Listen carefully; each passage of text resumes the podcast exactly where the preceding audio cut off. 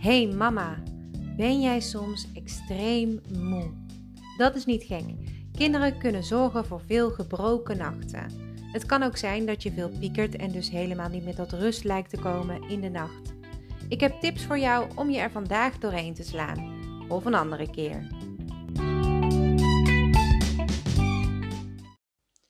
Allereerst wil ik meteen even aangeven dat als je veel en vaak moe bent, dat allerlei oorzaken kan hebben, maar vaak toch echt te maken heeft met goede zelfzorg in combinatie met het gebrek aan tijd voor jouzelf, wat eigenlijk op hetzelfde neerkomt.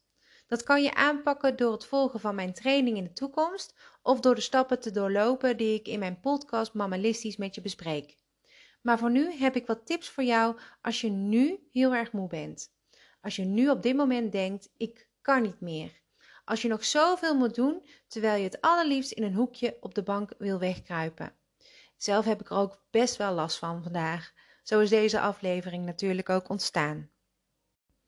De afgelopen weken ben ik alleen maar bezig geweest met het nieuwe huis. En nu ik er eindelijk woon en het nog altijd niet af is, heb ik ook te maken met kinderen die moeten wennen aan dat nieuwe huis. De jongste, die lastig lijkt te kunnen slapen, die bovendien ook nog eens het ongemak heeft van vaak te moeten plassen in de nacht, houdt me regelmatig uit mijn slaap. Dus ik was al een aantal dagen ontzettend moe. Gisteravond ontdekte ik de nieuwe afleveringen op Netflix van mijn favoriete serie en binnen no time was het één uur s'nachts. En om half zes kroop de jongste naast me in het grote bed, dus ik had simpelweg veel te weinig slaap gehad. Hoe krijg ik het dan alsnog voor elkaar om op een frisse manier de dag door te komen?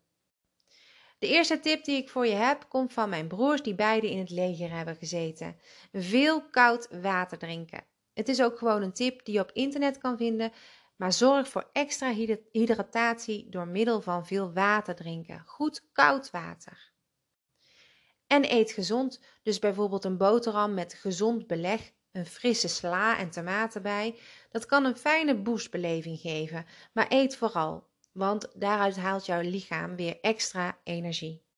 Ga buiten wandelen, ook al regent het. Je zit er totaal niet op te wachten, maar het wandelen in de frisse buitenlucht geeft meer zuurstof en het zorgt ervoor dat je lichaam goed draait.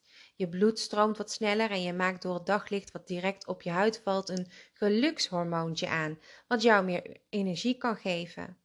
Als je de zon ziet, duik er dan zeker even in.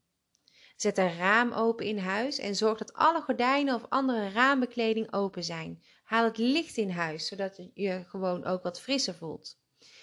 Ik weet nog wel dat mijn ouders altijd alles openzetten vroeger. En als ik dan weinig had geslapen na een avondje goed stappen, kon ik mij over de moeheid heen zetten, omdat het zo fris en licht was beneden.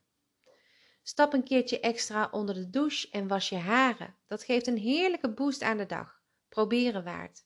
Ik las ooit eens dat je daarbij een sinaasappel onder de douche kon eten.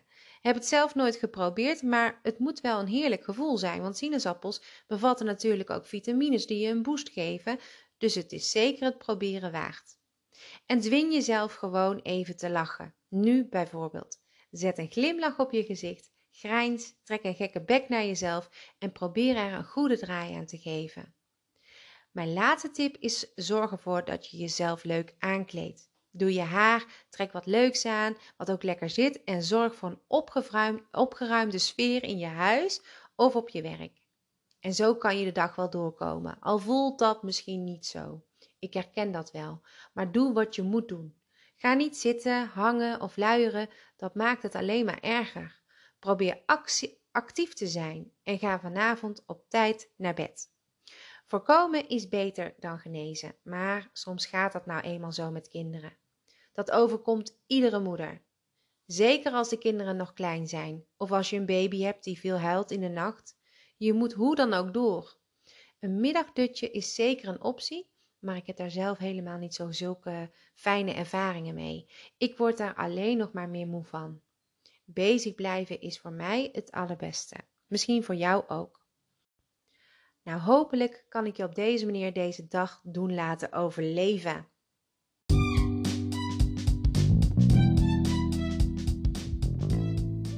Bedankt voor het luisteren naar deze podcast. Iedere maandag en iedere donderdag een nieuwe podcast. Vandaag twee, omdat ik er vorige week eentje had gemist vanwege de verhuizing. Maar volgende week gewoon weer eentje op de maandag en eentje op de donderdag. Tot dan!